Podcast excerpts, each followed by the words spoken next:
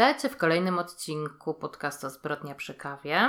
Dzisiejszy odcinek będzie dotyczył sprawy z zagranicy, jak wszystkie moje odcinki. Dzisiejszy odcinek prowadzi Ola.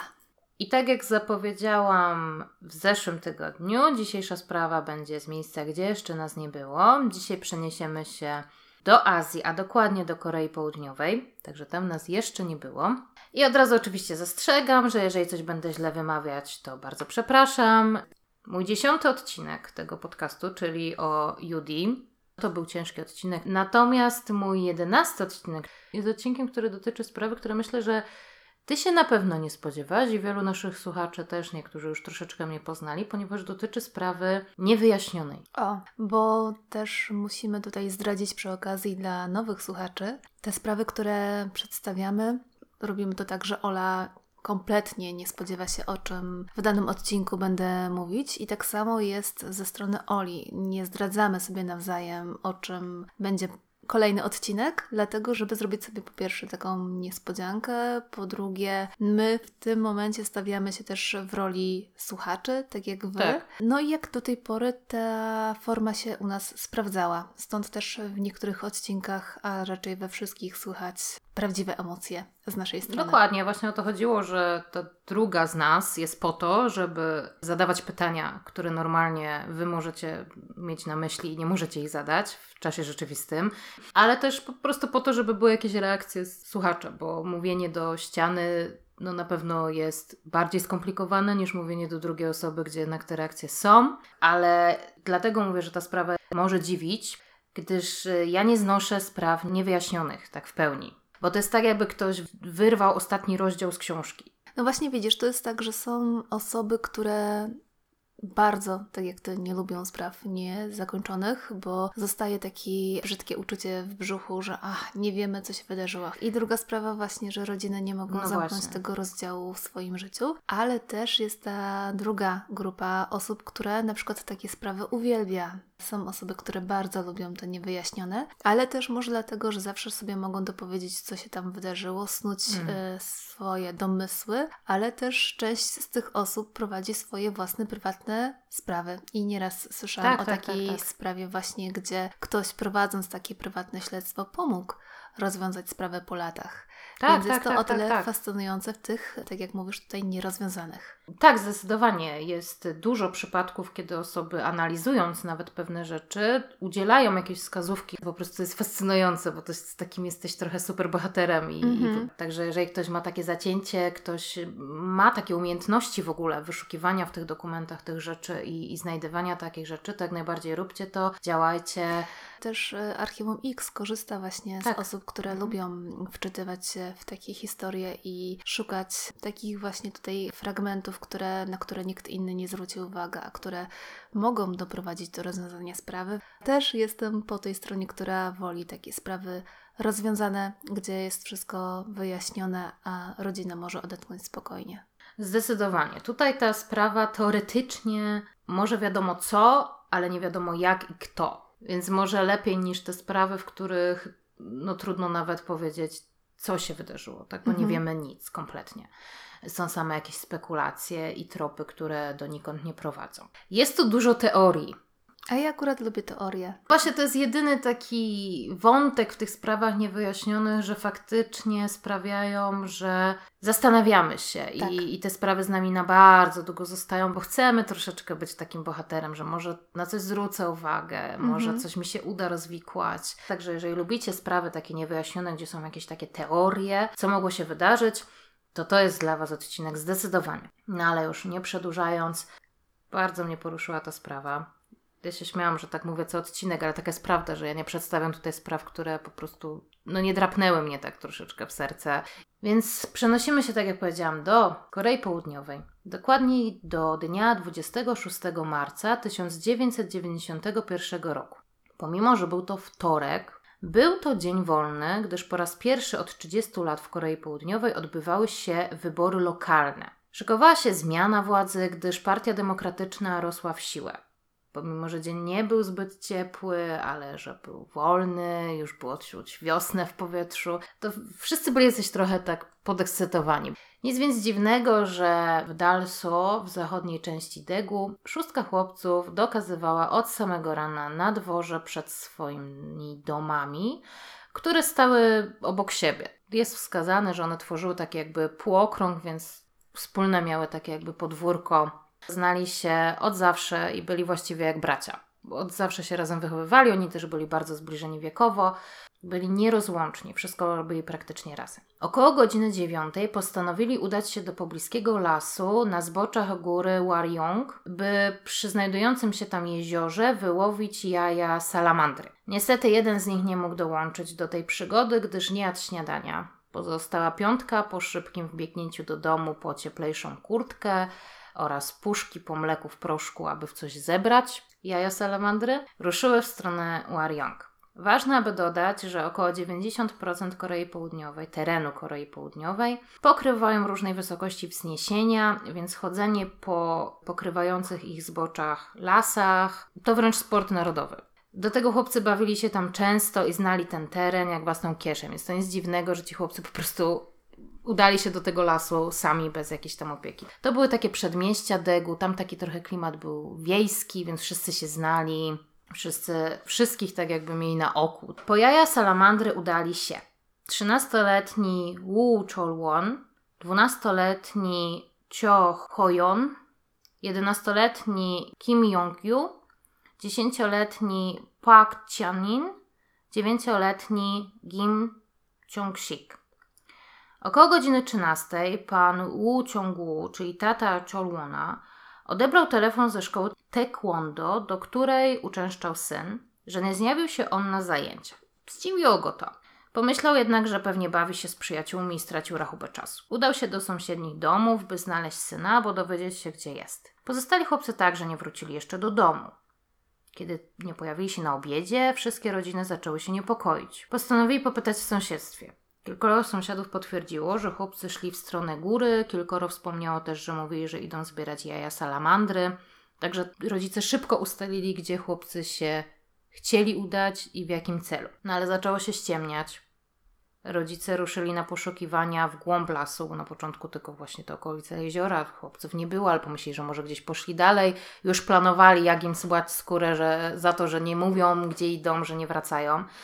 No ale kiedy zaczęło się ściemniać, no to ruszyli na poszukiwania już takie szeroko zakrojone, bo... Już pewnie przeczuwali, że coś mogło No myślę, że, że to jest najgorsze dla rodzica, że po prostu nie wie, co się dzieje z jego dzieckiem. Po kilku godzinach desperackiego przeczesywania lasu, no udali się na policję. No i oczywiście, policja stwierdziła, że chłopcy z pewnością uciekli z domu i początkowo nie chcieli w ogóle przyjąć zgłoszenia.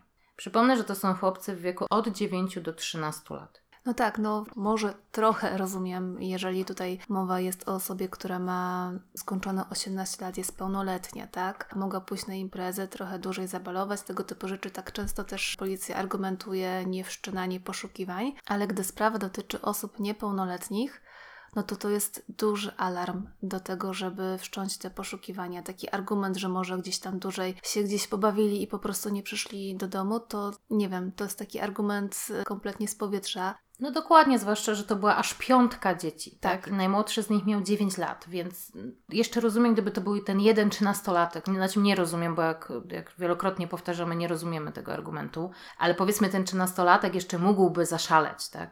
Natomiast piątka aż dzieciaków, to no to kompletnie nie klei się kupy, tak naprawdę. Rodzice na początku no, z tych nerwów zaczęli się trochę obwiniać nawzajem, tak? Wypominać sobie brak uwagi, mogłeś na nich zwrócić uwagę, przecież bawili się przed domem i tak dalej. Natomiast w głębi serca, no, czuli, że żadne z nich nie ponosi winy za, za to, co się dzieje, tak? No, nie mogli temu zapobiec w jakiś tam sposób. 29 marca, czyli trzy dni po zniknięciu chłopców, tata Chongsika odebrał telefon. Mam dzieci. Wszystkie cierpią. Dwóch jest bardzo chorych. Dzwoniący wyznaczył okup, który miał zostać pozostawiony w okolicy stacji Degu. W sercach rodziców paradoksalnie wstąpiła nadzieja, bo pomyśleli, że ich dzieci żyją. Wraz z policją umieścili okup w wyznaczonym miejscu i czekali. Miały minuty, kolejne. W końcu po przeszło godzinie zrozumieli, że nikt się nie pojawi. Choć policja brała udział w tej akcji, to nadal utrzymywała, że chłopcy na pewno uciekli z domu, no i śledztwo praktycznie nie było prowadzone. Informacja trafiła jednak do mediów. Niestety, z uwagi na te wybory, o których wspomniałam, temat został w tych pierwszych dniach odłożony na półeczkę, jako taki mało ważny. Dopiero po pięciu, sześciu dniach gazety zaczęły pisać artykuły na temat zaginięcia chłopców. Najpierw te lokalne, później w całym kraju. Nagłówki informowały: pięciu chłopców wciąż poszukiwanych po tym, jak zginęli, gdy poszli łapać żaby. Teraz we mnie się chyba jakiś mały chłopiec zawsze odzywa, jak widzę o tych żabach, ponieważ no jak można żabę z salamandrą? Salamandry są o wiele ciekawsze niż żaby. Ale nie, poważnie to prasa tutaj faktycznie to przekształciła i teraz są dwie teorie na temat tego, dlaczego tak było. Pierwsza jest taka, że po prostu no na zasadzie poczty pantoflowej poszli tam nad jezioro, no to poszli łapać żaby i tak to dali do prasy, no bo tak naprawdę powód no de facto ważny nie jest. Ważne jest to, że zaginęli, nie ma już ich od iluś tam dni. Natomiast w jednym ze źródeł sugerowano, że po prostu zostało to przekręcone celowo na żaby, dlatego że żaby są powszechne i znane w całej Korei, także każdy będzie w stanie zrozumieć, że poszli łapać żaby, no bo jaja salamandry mogą się wydawać takie dość dziwne. Do tego salamandry, no także tutaj w naszej jakiejś takiej powiedzmy mitologii w cudzysłowie, no mają jakieś takie konotacje magiczne. No i nie chciano tak jakby sugerować albo dawać takiej pożywki, że może coś się wydarzyło z tymi salamandrami magicznego, że ci chłopcy zginęli. Po nagłośnieniu tematu w mediach, twarze chłopców zaczęły pojawiać się na licznych plakatach rozwieszanych w Degu i całym kraju. W poszukiwaniach pomagały też firmy, innymi produkująca wyroby tytoniowe i informacja dotycząca chłopców była drukowana na paczkach papierosów. Sprawiło to, że policja w końcu rozpoczęła prawdziwe działania, takie na szerszą skalę, bo, no bo w końcu to się stał jakiś taki temat jednak ważny. No poczuli takie ciśnienie na sobie na pewno ze względu na media, że tutaj taka sprawa, a policja nic nie robi. No dokładnie, no nie mieli czym się wykazać przed Mhm, tymi mediami, a na pewno media też prosiły o jakieś wypowiedź z ich strony. Jednak rodziny nadal czuły, że policja gdzieś tam ma taką narrację, że na końcu to się okaże, że uciekli z domu. 4 maja, a więc około półtora miesiąca po zaginięciu chłopców, w telewizji emitowany był program na żywo, w którym rodzice apelowali o pomoc, a widzowie mogli dzwonić z informacjami. No, znamy takie typu Mhm, programy, kiedyś tak, były dość tak. popularne. Pan Park Gyu-so, czyli ojciec y, Chiangina, wzywał do tego, aby przestać traktować sprawę zaginięcia ich chłopców jako ucieczki z domu. Bo tak jak wspomniałam, oni cały czas czuli, że policja taką narrację kontynuuje i przez to ta sprawa jest troszeczkę dyskredytowana. W pewnym momencie tego programu odebrano telefon. Po drugiej stronie płakało dziecko. Powiedziało, że nazywa się Changxi i chce do mamy. Mama Changshika odebrała telefon, potwierdziła, że, że to był jej syn, że ona rozpoznała głos, że to był jej syn, że to na pewno był on. No niestety okazało się, że to był fałszywy trop, nie wiem, dowcip, ktoś po prostu podszywał się.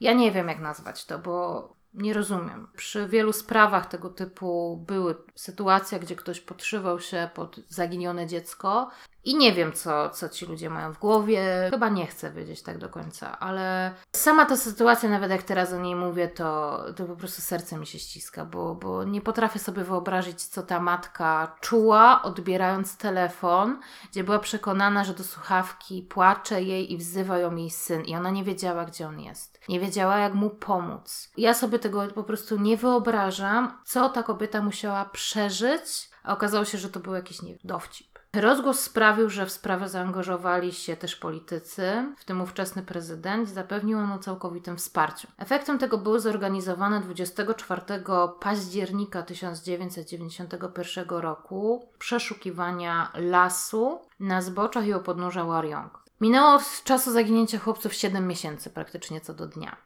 Tysiące ludzi, w tym żołnierze, w szpalerze z kijami, którymi dźgali podłoże, przeczesywali cały las. No, ponieważ w tamtym czasie brano też pod uwagę, że chłopcy nie żyją, więc starano się dźgać ten grunt, żeby ewentualnie znaleźć albo mogiły, albo jeżeli oni faktycznie gdzieś, nawet z przyczyn naturalnych, zginęli, to, to po prostu no, już minęło te 7 miesięcy, więc mogła ich ściółka leśna to wszystko trochę przykryć, więc, więc dlatego te kije. Dodatkowo nad lasem latał helikopter, z, jeżeli dobrze zrozumiałam, z takim sonarem, który miał znaleźć, jeżeli coś by było właśnie takiego nietypowego w terenie. Niestety nic nie znaleziono. Łącznie teren ten przeczesany był około 30 razy przez dziesiątki tysięcy ludzi i nic nie zostało znalezione. Oprócz tego policja przeszukała około 140 tysięcy domów i różnego innego rodzaju lokalizacji, w których funkcjonowały m.in. sekty, gangi młodocianych, uciekinierów z domu, czy były to przytułki jakiegoś rodzaju.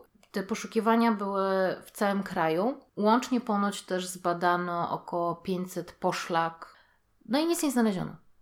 Donikąd to nie prowadziło, absolutnie do niczego, nawet nie było jakichś podejrzeń co mogło się wydarzyć. Z desperacji ojcowie porzucili swoje prace i wyruszyli w trasę wynajętą ciężarówką, na której znajdowały się zdjęcia chłopców oraz informacje o numerze telefonu, pod który można się skontaktować, ile lat mieli chłopcy. Był też tam napisany taki apel: proszę, pomóżcie odnaleźć nasze zaginione dzieci. Stawali przy stacjach kolejowych czy metra, centrach miast, przy ruchliwych ulicach i przez megafon prosili o pomoc rozdawali ulotki, rozmawiali z ludźmi.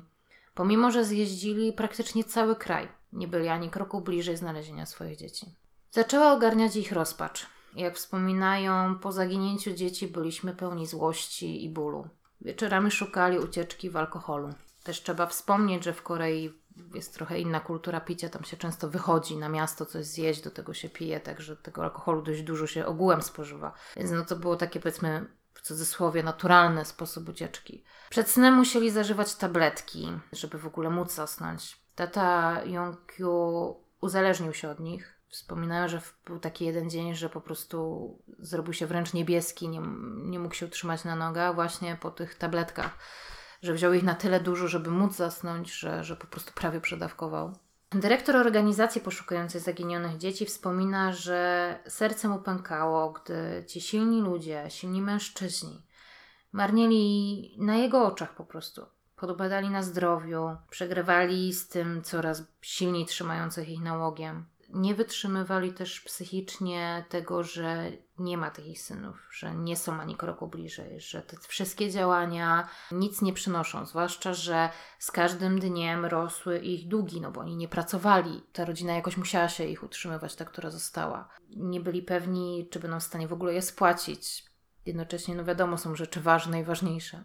Nie pomagała też prasa, która, no jak powiedzmy już nie miała o czym pisać w tej sprawie, no to się skupiła na tych ojcach. No i zaczęła każdy taki szczegół, że gdzieś tam ich widziano, że się śmieją na przykład, to, to że już pewnie nie cierpią tak i to jest tylko na pokaz, albo szukają sensacji. No nawet nie chcę tego komentować, bo to jest żenujące, po prostu najzwyczajniej w świecie. Aby zdobyć dodatkowe środki, no i by móc dalej jeździć po kraju, szukać synów, zdecydowali się sprzedać prawa do tej historii. W 1992 roku powstał film Come Back Frog Boys, ale jak to stwierdził jeden z ojców, wtedy trudne i smutne filmy nie cieszyły się popularnością, no więc tak jakby za dużo nie zarobił ten film, więc oni tym samym za dużo nie otrzymali z tego tytułu pieniążków. Podobny los spotkał książkę o tej historii, praktycznie z tego nie mieli żadnych pieniędzy, bo ta książka się po prostu nie sprzedała. Trochę więcej udało się zdobyć z części Tantiem, które ofiarowała znana piosenkarka w tamtym czasie Pak Sung Mi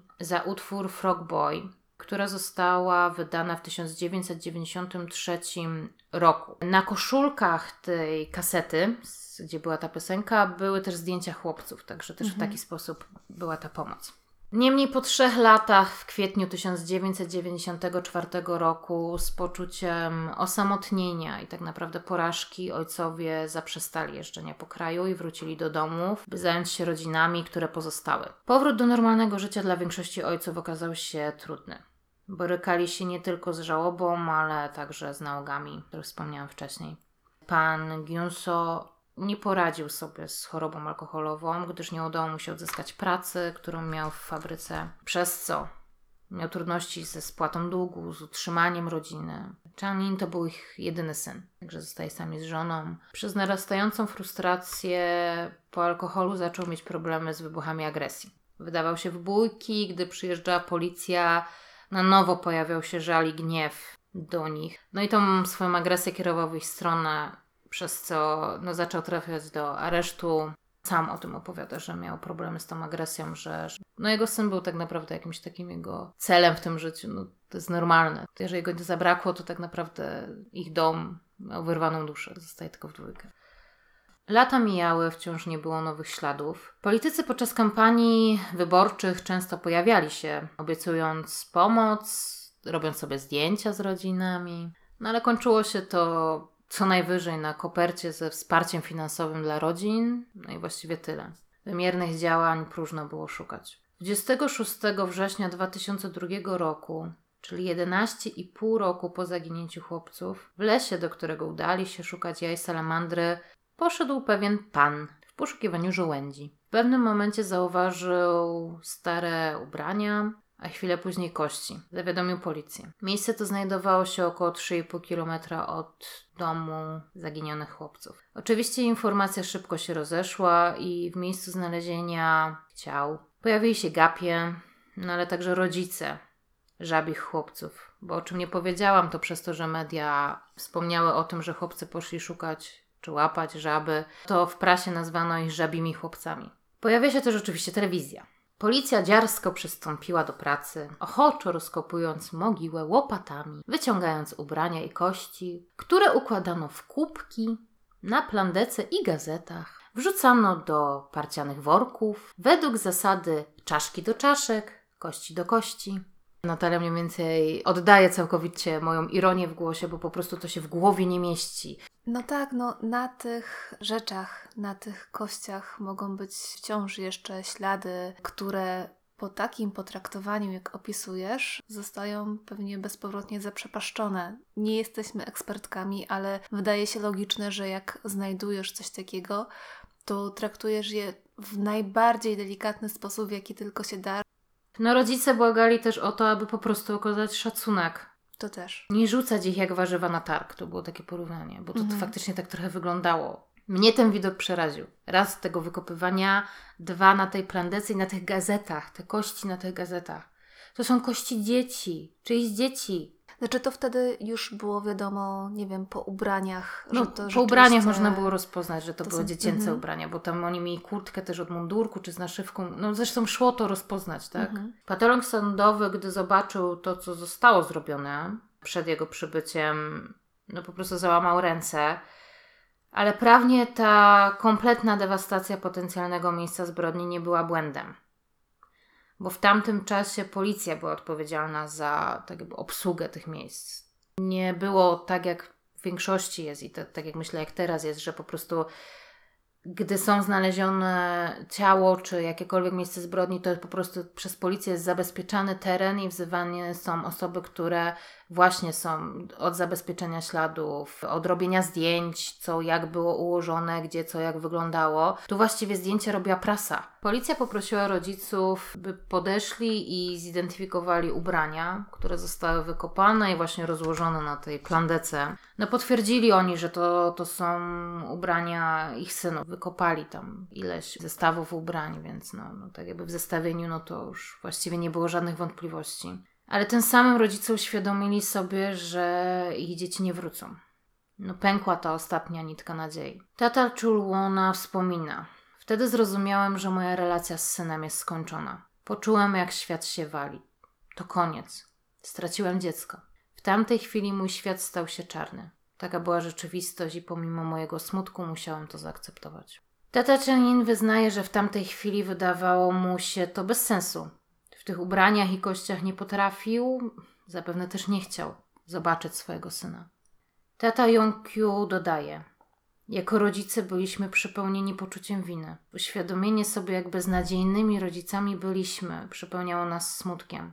Nie byliśmy w stanie przynieść ulgi duchom naszych dzieci. Podejrzewam, że chodziło mu o to, że nie byli w stanie ich znaleźć, im pomóc. Przez tyle lat tam byli sami, Aha, 11,5 takie roku. poczucie winy. Tak, że jako rodzice oni nie Mhm. byli w stanie im pomóc. Mhm. Nawet po tej śmierci, żeby dopełnić obrządku całego, żeby dać im spokój, tak jakby duszy. Tu myślę, że należy to tak, tak rozumieć, tak odbierać. Teraz, gdy odnaleziono ciała dzieci, rodzice pragnęli tylko jednego. Dowiedzieć się tak naprawdę, co się wydarzyło. Kto jest winny śmierci ich dzieci. Niestety do dnia dzisiejszego nikt nie potrafi powiedzieć, jak zginęły dzieci. Nikt też nie poniósł kary za to, co je spotkało. Ja przedstawię teraz teorie, które powstały na ten temat. Teoria pierwsza. Dzień po tym, jak policja zaczęła wydobywać zwłoki, czyli praktycznie w połowie wydobywania ciał dzieci, czy jeszcze nie kończąc w ogóle oględzin, czegokolwiek, policja wydała oświadczenie, że wszystko wskazuje na to, że chłopcy zmarli z powodu hipotermii. Teoria brzmiała tak, że chłopcy zaszli za daleko w ten las. Zgubili się. Zaczęło się ściemniać. W tamtym dniu w nocy temperatura wynosiła 3 stopnie. No ale była wilgoć, no bo to wiosna, w górach, w lesie, też pewna wysokość, to pewnie zimniej, był wiatr, no to wszystko to obniżało temperaturę. No więc chłopcy usiedli blisko siebie, żeby się do siebie przytulić, dlatego byli tak blisko siebie znalezieni, jeden praktycznie na drugim. Zasnęli, no już się nie obudzili. Cała piątka. I teraz przeanalizujemy, dlaczego ta teoria jest idiotyczna. Chłopcy znali ten teren jak własną kieszeń. Oni tam od dziecka łazili, albo z rodzicami, albo sami. Z miejsca, gdzie znaleziono ciała, widać było wysokie bloki, które już tam wtedy stały. Poza tym, znając to miejsce, z pewnością skierowaliby się w dół wzniesienia, a oni byli na samej górze tego wzniesienia. No na logikę, na dole na pewno ktoś mieszka. A tyle jestem w stanie ocenić, gdzie jest góra, gdzie jest dół. No już tam teren, gdzie jestem dokładnie, to rozumiem, że można się zgubić w lesie, bo to nie jest trudne wcale. Zwłaszcza, że w tamtym czasie ponoć ten las był taki dość zagęszczony, mało uczęszczany. Zwłaszcza te miejsce, gdzie oni byli znalezieni. No okej, okay, faktycznie, mogli się gdzieś tam zapuścić, rzadko kiedy tam byli, był gęsty las, mogli się zgubić. No ale to by nie zostali tam do góry, wiedząc, że na dole są jakieś domy, są ludzie. Do podobnych wniosków doszli pracownicy tamtejszego ratownictwa górskiego. Dodatkowo, śledząc mapę terenu i tam wszystkie możliwe dane z tamtego czasu, zauważyli, że wzniesienie nie ma takiej wysokości, aby temperatura była niższa niż tak normalnie. Ona nie było tak wysokie, to wzniesienie. A prócz tych bloków, o których mówiłam, około 100 metrów biegnie dość ruchliwa droga. Ona już wtedy tam była, więc chociażby dźwięk samochodów mogli słyszeć. Mogli też widzieć światła tych samochodów, bo one były oczywiście dużo niżej, więc powiedzmy, no nikt ich nie widział z tej ulicy, ale oni już tą ulicę mogli widzieć, więc nawet jeżeli nie te bloki, które były trochę dalej, no to praktycznie prawie, że w, w linii pionowej na dół była ulica, którą już mogli widzieć. Nie idzie się tam aż tak zgubić, jeżeli zna się ten teren, tak? A tak jak mówię, te dzieciaki tam po prostu dorastały. Patolog, który badał szczątki, odkrył, że na kościach jednego z chłopców znajdują się liczne małe wgłębienia. On nie do końca mógł zidentyfikować o co chodzi. Pomyślał, że może to już po śmierci powstało, że, że może jakiś rolnik tam z jakimś sprzętem przechodził, bo sobie skracał drogę na przykład. No, i, albo dzikie zwierzęta mogą też podgryzać. No, no tak, chociażby. dokładnie, tak? Cokolwiek, tak? Mhm, że, tak. No, on do końca nie mógł tego zidentyfikować, co mogło być tutaj przyczyną. No ale nie dawało mu spokoju, no bo znajdowały się na całym ciele, na głowie liczne były, więc przesłał szczegółowe zdjęcia do znanej pani patolog, e, która pracowała w USA. I ona bez cienia wahania stwierdziła, że są to ślady, które były zadane przez człowieka, mało tego, były zadane za życia chłopca. Więc tu absolutnie hipotermię myślę, że już możemy odłożyć na półeczkę. Tak. Potencjalnym narzędziem zbrodni mógł być młotek ślusarski, ale ogółem to było coś takiego, co miało cienką, dość ostrą końcówkę, ale to musiało być dość metalowe, ponieważ te ciosy musiały być silne, żeby wykonać tak duże wgłębienia w kościach. Na czaszce chłopca odkryto aż ponad 20 takich uszkodzeń. Wiele więcej na pozostałych kościach. Szkielet należał do najstarszego chłopca, Łuczolłona. Drugi chłopiec miał specyficznie owiniętą kurtkę wokół głowy. Ja to teraz opiszę i, i mam nadzieję, że będziecie w stanie sobie to wyobrazić. Tak jakby ktoś podwinął mu do góry tą kurtkę, żeby zasłonić mu głowę i zawiązał do góry rękawy, aby skrępować ramiona w takim jakby iksie. Stwierdzono, że tak naprawdę sam chłopiec nie mógł tego zrobić, bo policja stwierdziła, że on się tak związał, żeby się ogrzać. No ale stwierdzono, że absolutnie no, nie mógł się jakoś tak powiązać sam. Mało tego, na tyle mocno były zaciągnięte te rękawy, że to sugerowało dość dużą siłę, więc sugerowało, że jednak jakiś dorosły człowiek musiał to po prostu zrobić, a nie inny z chłopaków mógł go tak zawiązać, żeby mu było faktycznie, nie wiem, cieplej. Także tutaj absolutnie to odpadło jakieś tutaj ogrzewanie się. Badania czaszki tego akurat chłopca, która nadal była w tej kurtce, ujawniły, że kiedy była tak zawinięta ta głowa tego chłopczyka, to ktoś uderzał w nią tępym narzędziem. i to ciało należało do 11-letniego Kim Jong-kyu. Pozostali chłopcy, i tutaj różnią się trochę źródła, bo ja zrozumiałam, że one nie były badane pod kątem dowodów, dlatego że były zbyt naruszone przez te działania policji. No nie szło zbadać, co, co było uszkodzeniem w wyniku tego naruszenia przez tą policję, a co było wynikiem działań wtedy, kiedy ci chłopcy zginęli. Ale druga teoria, którą znalazłam, była taka, że po prostu nie znaleziono jakichś wielkich uszkodzeń na tym ciele. No i w momencie, kiedy mamy sam szkielet, a nie było uszkodzeń, no to zazwyczaj taką hipotezę się stawia, że doszło tutaj do duszenia. Kolejny argument za tym, że, że tutaj hipotermia no to raczej nie wchodzi w grę, jest to, że po prostu ciała były zakopane, nie były na wierzchu i przykryte. Ustalono to w taki sposób, że zbadano glebę i oceniono, że składniki mineralne w tej glebie sugerują, że te ciała w tej glebie się rozłożyły. I musiały tam być około 10 lat, ponieważ rozpowszechnienie tych związków chemicznych w tej glebie sugeruje, że minimum 10 lat musiało zajść. Poza tym, tu patolog jeszcze powołuje się na to, że te miejsce, gdzie ich znaleziono, to musiało być miejsce zbrodni, dlatego że kiedy przenosi się ciało po śmierci, to zawsze pojawiają się uszkodzenia w stawach, a nawet w kościach albo w ułożeniach kości w stosunku do siebie, dlatego że nie ma napięcia mięśniowego, które trzyma to. Stawy bez napięcia mięśniowego po prostu są luźne, więc jak się przenosi ciało, praktycznie nie ma możliwości, żeby nie zrobić jakieś przemieszczenia w stawach jakichkolwiek, zwłaszcza, że no, nie tylko mówię o dużych stawach, ale także o, o nadgarstkach, kostkach. Także tu po prostu nie ma szans, żeby nie doszło do tego, a patolog tego nie zauważył. Też nie wiem, czy w żadnym ciele, czy w tych dwóch, które badał, bo nie wiem, ile ciał do końca przebadał, biorąc pod uwagę, że tutaj trochę jakaś taka rozbieżność się pojawiła. Rodzice oczywiście nie potrzebowali tych badań, aby wiedzieć, że to bzdura. Zaraz po tym oświadczeniu, no, zwrócili się do tego policjanta po co mówisz takie bzdury? To nie ma sensu żadnego, tak? My znamy swoich chłopców, wiemy, że po prostu by tu nie zostali na noc. Szliby chociażby, bo wiedzieliby, że nie muszą się ruszać, tak? Telewizja to nagrała, więc tutaj nie ma jak się z tego wybronić. Powiedział coś takiego. Dziennikarz mi naciskał, więc powiedziałem coś, czego nie chciałem. Z jednej strony takie duże działania, tysiące ludzi przeczesuje góry i w ogóle, nurkowie, bo w tym jeziorze, co mieli, to też tam nurkowie byli. A z drugiej strony takie podstawowe działanie, szacunek do tych ludzi, współczucie, takie ludzka życzliwość w ogóle była im odebrana.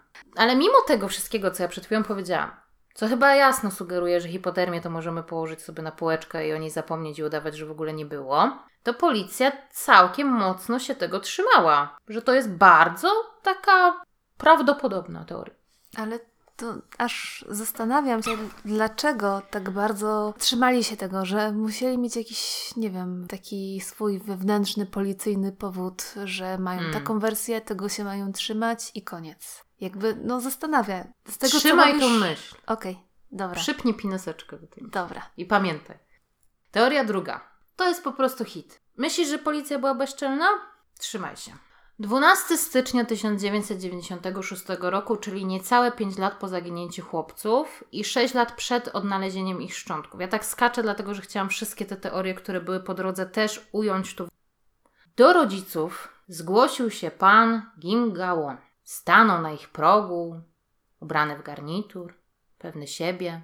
Oświadczył, że studiował psychologię w USA, zbadał sprawę i wie, co się stało. No rodzina oczywiście się zdziwił, no ale w tamtym czasie byli skłonni przyjąć każdą pomoc. No szybko trochę zmienili zdanie, gdy pan psycholog, y, profiler jak się okrzyknął, już wtedy jeszcze w Korei nie było profilerów, stwierdził z niezbitą pewnością siebie, że chłopców zabił pan Gin Chol-gin, czyli tata Chansika. I zakopał wszystkich chłopców na terenie swojego domu. No oczywiście rodzice zdębieli i no po prostu popukali się w głowę, no bo ufali sobie. No przechodzili przez to razem. Od samego początku, tak, od samego początku szukali tych chłopców. Właściwie byli w kontakcie prawie, że natychmiast po tym jak zaginęli. Trzy lata jeździli po kraju razem. Oglądali nawzajem swoją żałobę, swoją rozpacz i to, co, co się z nimi działo. No więc rodziny ustaliły, że no wpuszczą tych ludzi, by przeszukali posesję, gdzie ten pan mówi, że te ciała są zakopane, aby było wszystko jasne, aby po prostu im dali spokój, żeby ten temat się zamknął i żeby minął, jak zły koszmar. A swoją teorię opierał na tym, że pan Gin Chol-kyun podczas rekonstruowania zdarzeń z tego dnia zniknięcia chłopców nie mógł przypomnieć sobie dokładnie, co robił podczas około dwóch godzin. No to jest bardzo silny argument. Tak. To jest tak silny argument, że ja już nie mam w ogóle Żadnych pytań. Silne dowody. bardzo. Pojawiła się policja i telewizja oczywiście. Przekopano cały dom, wyburzono część ścian, by zostać się do fundamentów. No i oczywiście nie odkryto niczego. Gdy pan psycholog no, zobaczył, że Upsi Daisy pomylił się, no to co zrobił? Zaczął uciekać, przepychając się przez tłum. Ale gdy tłum to zobaczył, no to zaczęli krzyczeć. No i go oczywiście zatrzymali. Od razu tą telewizję go wzięła, konferencja prasowa, tu ojciec ten oskarżony, tu pan psycholog. No i on tam siedział, taki tutaj spuszczona głowa, tak, taki już mniej pewny siebie i powiedział tak. Cóż, sądzę, że nie mam teraz wyboru i muszę przyjąć karę za zniszczenie ich domu. Oskarżony ojciec po prostu odpowiedział, widać było po nim to zdenerwowanie, kiedy odpowiedział, dlaczego wymyślasz takie rzeczy? To była niedorzeczna teoria. W końcu udało nam się trochę odbudować nasze życie po bolesnej utracie dzieci i się pojawiłeś. No bo taka prawda. Oni trzy lata jeździli, dopiero od mniej więcej dwóch lat starają się na nowo zbudować życie. Coraz bardziej oswajać się z tą świadomością, że może już nigdy nie zobaczą swoich dzieci. I nagle sobie tak wparadował do nich, bo ja wszystko wiem, bo się uczyłem w Ameryce psychologii, jestem profilerem. Pan psycholog został wykluczony ze Stowarzyszenia Psychologów i zwolniony z ówcześnie mm, posiadanej pracy. Ten oskarżony tata zmarł w wieku 40 lat tylko. Po tym zdarzeniu z psychologiem zaczął chorować z żalu i bólu. Ja myślę, że warto dodać, że w Korei jako tako nie mówi się o tym, że ktoś ma problemy emocjonalne czy psychiczne. I nie mówi się o tym, że ktoś popełnił samobójstwo. Zazwyczaj mówi się, że albo zginął, albo miał wypadek, albo stracił życie. Takie ogólne po prostu się tego nie porusza. Ja przyznam szczerze, że ja tutaj nie mogłam oprzeć się wrażeniu, że no to nie była choroba typu choroba wieńcowa z tytułu nerwów, tylko po prostu mogło to być samobójstwo, biorąc pod uwagę, że to też był ich jedyny syn. Ja nawet nie wiem, czy ten pan dożył chwili, kiedy znaleziono ich dzieci. Bo tutaj tak jakby nie było, w którym roku on zmarł, a nie wiem ile miał lat, kiedy dzieci zaginęły, więc to trudno mi powiedzieć, ale, ale tak trochę to sugeruje, że, że może nawet nie dożył tego, żeby wiedzieć, co się wydarzyło z jego synkiem. Teoria numer 3 jest chyba najbardziej niedorzeczna i ja ją tylko powiem, bo ona istnieje. Poszła jakaś fama, że to byli trendowaci, bo chcieli odprawić rytuał, bo śmierć dziecka leczy trąd. I jak bardzo to jest obraźliwe, jak bardzo to jest krzywdzące wobec osób, które chorują na tą chorobę, to jest po prostu niewiarygodne, więc tak to po prostu zostawię. Teoria numer 4. Sekta. Tak tylko czekałam, bo ten motyw zawsze się pojawia w każdej Tak. praktycznie sprawie. No i trochę tutaj no, można jakoś tam wytłumaczyć, no bo tak, no, no, mogło być tak, że chłopcy się po tym lesie włóczyli, tak to nazwijmy, no i spotkali członków sekty, która odprawiała jakiś rytuał, mm, albo nie wiem, sekta chciała ich zabrać, oni nie chcieli, albo może stwierdzili, że jak już mają piątkę dzieci, to odprawią sobie jakiś tam rytuał i tak dalej. No niemniej, no, no tutaj no, no była taka teoria, żadnych dowodów na to no nie znaleziono, też no powiedzmy sposób działania tutaj, no nie można było powiązać ze sposobem działania jakiekolwiek sekty. W tamtym czasie też za bardzo nie było tam żadnej sekty, która, nie wiem, przy, nawet przejazdem, przynajmniej nic o tym nie wiadomo, więc to jest po prostu no taka teoria, no bo takie teorie się często pojawiają, natomiast no nie ma niczego, co by, co by tutaj mogło ją utrzymać.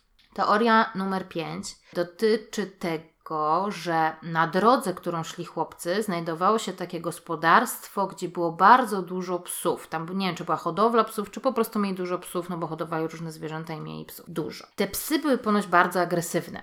W myśl tej teorii psy po prostu zaatakowały dzieci, poraniły, może nawet któregoś z chłopców zagryzły, no i dlatego wszystkie dzieci zabito. No ale w toku prowadzonego śledztwa no po prostu wykluczono taką możliwość. Nic na to nie wskazywało. Teoria numer 6. Seryjny morderca. No przemawia za tym okrucieństwo zbrodni, wykonanie ran jakimś tam narzędziem, no bo w końcu kto chodzi na przechadzkę w góry z młotkiem, tak, no to ktoś musiał mieć takie narzędzie, czy jakieś inne takie metalowe, ostre narzędzie. No ale nie ma żadnych dowodów, by uznać, że mogło tak być bo w tamtym czasie no, no nie było takich innych zbrodni, nie było w ogóle jakichś takich, żeby powiązać te zbrodnie z jakiś podobny modus operandi, żeby był. Także tutaj akurat no, no mało prawdopodobne, no jednak no wiadomo, że no nie można wykluczyć takiego zdarzenia. Teoria numer 7 mówi o tym, że może był to nauczyciel. Za tą teorią przemawia to, że to było pięciu chłopców i ktoś musiał nad nimi po prostu zapanować, więc musiał być to ktoś z autorytetem jakimś tam. No a nauczyciel w tamtym czasie no, cieszył się dużym autorytetem. Do tego nauczyciele w tamtym czasie też dużo podróżowali, że byli tam raz tu, raz tam uczyli, więc no, mogła być to osoba, która się pojawiła, gdzieś pojechała dalej. Dlatego nie ma jej w okolicy, nie można było znaleźć jakichś powiązań z tymi chłopcami. Teorię tą troszeczkę burzy to, że to byli chłopcy w wieku od 9 do 13 lat, no i nie chodzili razem do jednej klasy, więc no to nawet jeżeli ktoś by czuł respekt któryś z dzieci przed tym nauczycielem, no to reszta niekoniecznie, tak? To nadal piątka chłopców, więc jest mało prawdopodobne, że to była tylko jedna osoba. Przyjmuje się, że jeżeli to była jedna osoba, to ona musiała mieć jakiś respekt u tych chłopców, że oni jej w jakiś sposób słuchali, a przede wszystkim wierzyli, że stanowi na przykład realne zagrożenie. Teoria numer 8. I to jest pierwsza teoria, która w mojej opinii jest niestety prawdopodobna. Bo tamte to mam tutaj dużo zastrzeżeń.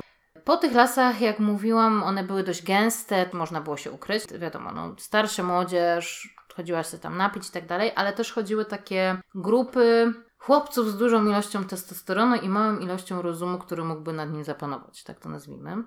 No i zdarzało się, że oni dręczyli młodsze dzieci, które spotkali w tym lesie. Kazali im coś tam robić, jakoś tam ich poniżali. Za tą teorią przemawia to, że mamy tu wtedy kilkoro sprawców, którzy mogli zastraszyć chłopców, by nie uciekli. Mogli być na tyle okrutni, by ich tam jakoś torturować. Mogło być tak, że oni chcieli tylko ich pobić, na przykład. Stąd tyle aż tych ran. Zaczęli bić tego najstarszego chłopca, innego związali, tak, może tego, tego właśnie, co miał tak dziwnie skrępowaną tą kurtkę też za tym przemawia to, że są tak jakby dwa narzędzia, bo jedno jest te, ten właśnie powiedzmy młotek ślusarski, a drugi jest jakimś tępym narzędziem, którym rozbito czaszkę. No i może być tak, że podczas tej okrutnej zabawy, nazwijmy to tak, no któryś z chłopców po prostu zmarł, bo posunęli się za daleko i dla ratowania własnej skóry zabili resztę. No niestety nie trudno sobie wyobrazić, że tak by to mogło wyglądać. Zwłaszcza jak jest grupa, jeden drugiego nakręca i tak dalej no mogło to tak wyglądać, więc ona, ta teoria wydaje mi się taka, no trzyma wodę. Teoria numer 9 i to jest powiedzmy najszerzej przeze mnie omówiona teoria i ona też jest najczęściej przytaczaną, dlatego że nie powiedziałam od samego początku, dlatego żeby tutaj Was na końcu uraczyć, że na tej górze Warjong znajdowała się jednostka wojskowa ze strzelnicą. W dzień zaginięcia chłopców inne dziecko zeznało, że słyszało dwa krzyki i huk. Wśród szczątków chłopców odkryto pociski i łuski po pociskach.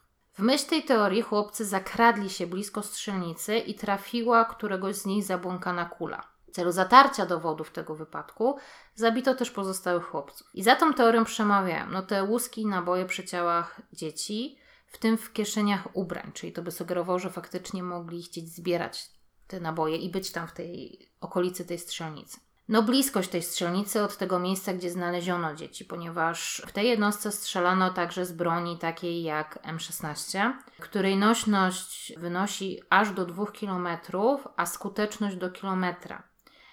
A obojętnie z której tak jakby miejsca tej strzelnicy mierzyć, ciała chłopcy znajdowały się od 100 do 350 metrów, czyli w zasięgu skuteczności tego pocisku.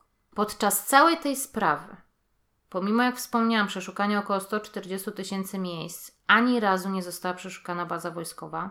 W tamtym czasie, kiedy zaginęli chłopcy, Korea była dość mocno zmilitaryzowana, przez co nikt nie chciał zadzierać z wojskiem. I stąd zachowanie policji. No i właśnie tutaj tą, za tą teorią również przemawia to, że ta policja tak, no, może celowo nieudalnie mhm. działała. A może ktoś nawet im to dość mocno zasugerował, że to jednak może ktoś stamtąd. Choć było to święto i nie było zaplanowanych ćwiczeń na strzelnicy, no to ponoć są jakieś dowody na to, że wyższej ranki żołnierz, który mógł ćwiczyć bez wcześniejszego planowania, wykorzystał okazję, by poćwiczyć na pustej strzelnicy i przy okazji wystrzelać resztki magazynków pozostałe po ćwiczeniach.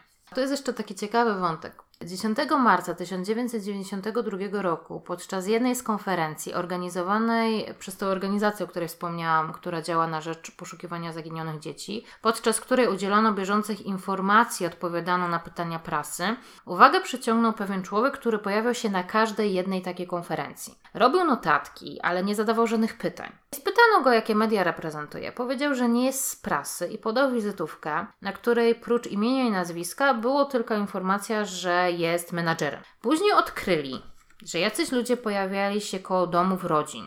Pojawiali się tam, gdzie byli ojcowie. Robili notatki. Okazało się, że są z wywiadu. No i niby tak są blisko, bo to jest taka o wysokim profilu sprawa i chcą chronić tę rodzinę. No ale wiele osób związanych ze sprawą ma poczucie, że śledztwo i działania policji były manipulowane. I tu jest duże pole do popisu, że faktycznie, jeżeli byłoby zamieszane w to wojsko w jakikolwiek sposób, faktycznie mogłoby dojść do tej manipulacji. Teorie te miały także wspierać zdjęcia czaszek, w których prasa dopatrywała się dziur po kulach, ale patolog zdementował to, ponieważ żadne z uszkodzeń czaszek, nawet tych tam źle wykopanych, nie były zgodne ze śladami po postrzałach. Te dziury były tu na wysokości skroni, tu po prostu czaszka jest tak zbudowana, że mogło być to naturalne, albo właśnie działania zwierząt, czy coś takiego. Z uwagi na fakt, że ta teoria rosła w siłę, no i prasa oczywiście się rzuciła z pazurami na nią, 27 września 1991 roku, bo to no już wtedy była ta teoria dość silnie funkcjonującą, wojsko zwołało konferencję, podczas której udowodnili, że taka sytuacja nie mogła mieć miejsca. No oczywiście tam brali te argumenty, że nie było żadnych ćwiczeń, żadna broń nie była wydana. Tata Czulłona uważa, że po pierwsze chłopcy byli rozsądni i wiedzieli, że ostrzeżenia, które znajdowały się tam w paru miejscach w odległości od tej strzelnicy, no są z jakiegoś tam tytułu. Oczywiście, tu możemy argumentować, że chłopcy mogli mimo to skusić się łupem prawdziwych naboi i może właśnie wiedząc, że jest święto i nie będzie ćwiczeń, postanowili udać się w zakazane miejsce, które w innych okolicznościach by omijali. Ale jak dodaje pan Wu, gdyby to było wojsko, to zakopaliby ciała na terenie bazy i nikt nigdy by ich nie znalazł. I troszeczkę jest w tym racji. Dla mnie kolejną rzeczą jest to, że jeżeli zakładamy, że jakiś samotny oficer strzela. No i strzela sobie, strzela i słyszy jakiś krzyk, czy nie wiem, z jakiego tytułu 350 metrów wie, że kogoś trafił. No musiałby jeszcze dowiedzieć się, że kogoś trafił.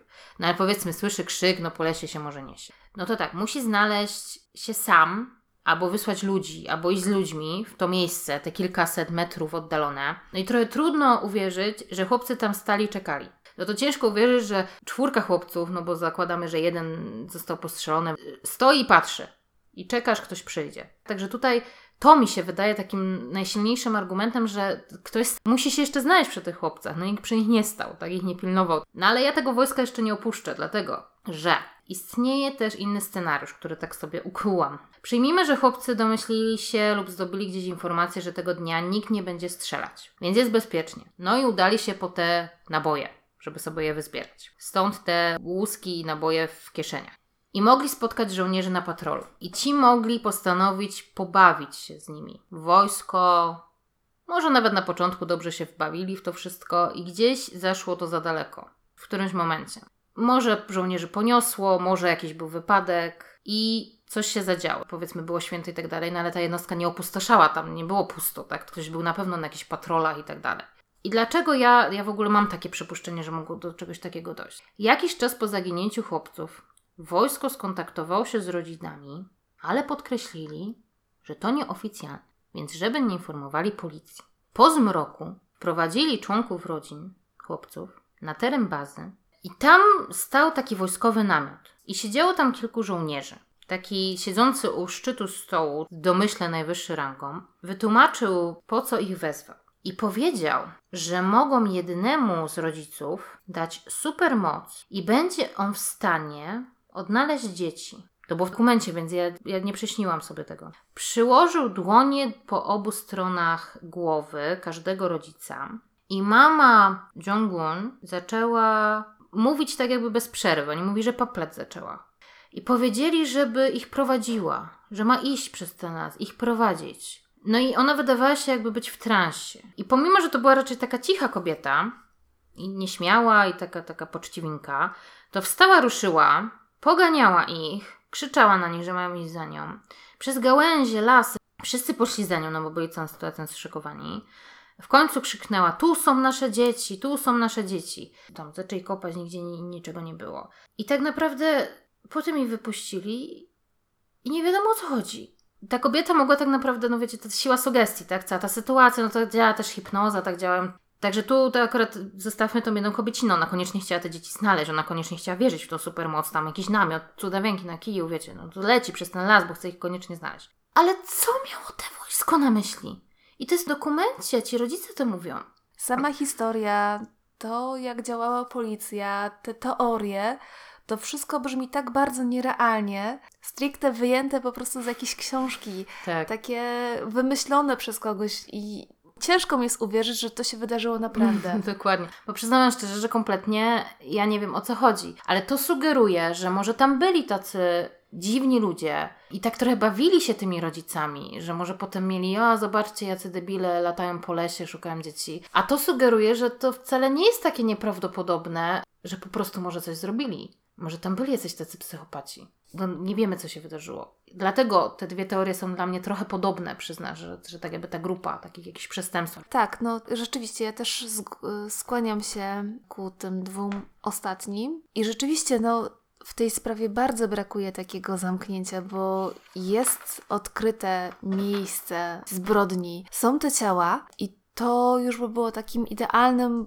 podłożem do tego, żeby dojść, co się wydarzyło i kto jest za to odpowiedzialny. Jakby Mhm. ciężko jest skazać kogoś, gdy nie ma ciała, bo zawsze jest ta teoria, że może gdzieś uciekł, może gdzieś Mhm, się schował, mhm, może został porwany i tak dalej, i tak dalej. Tutaj te ciała są i że ta sprawa nie została rozwiązana, ale też z drugiej strony sposób działania policji, to wszystko było tak robione pod górkę, no że nic dziwnego jakby, że, że nie wiadomo co się wydarzyło, bo no dużo wskazuje na to, że tak naprawdę osoby odpowiedzialne za prowadzenie e, tej sprawy nie chciały jej tak naprawdę rozwiązać. Tak to dla mnie Mhm. trochę brzmi, tak to odbieram. Tak, ja przyznam szczerze, że ta sprawa jest bardzo frustrująca.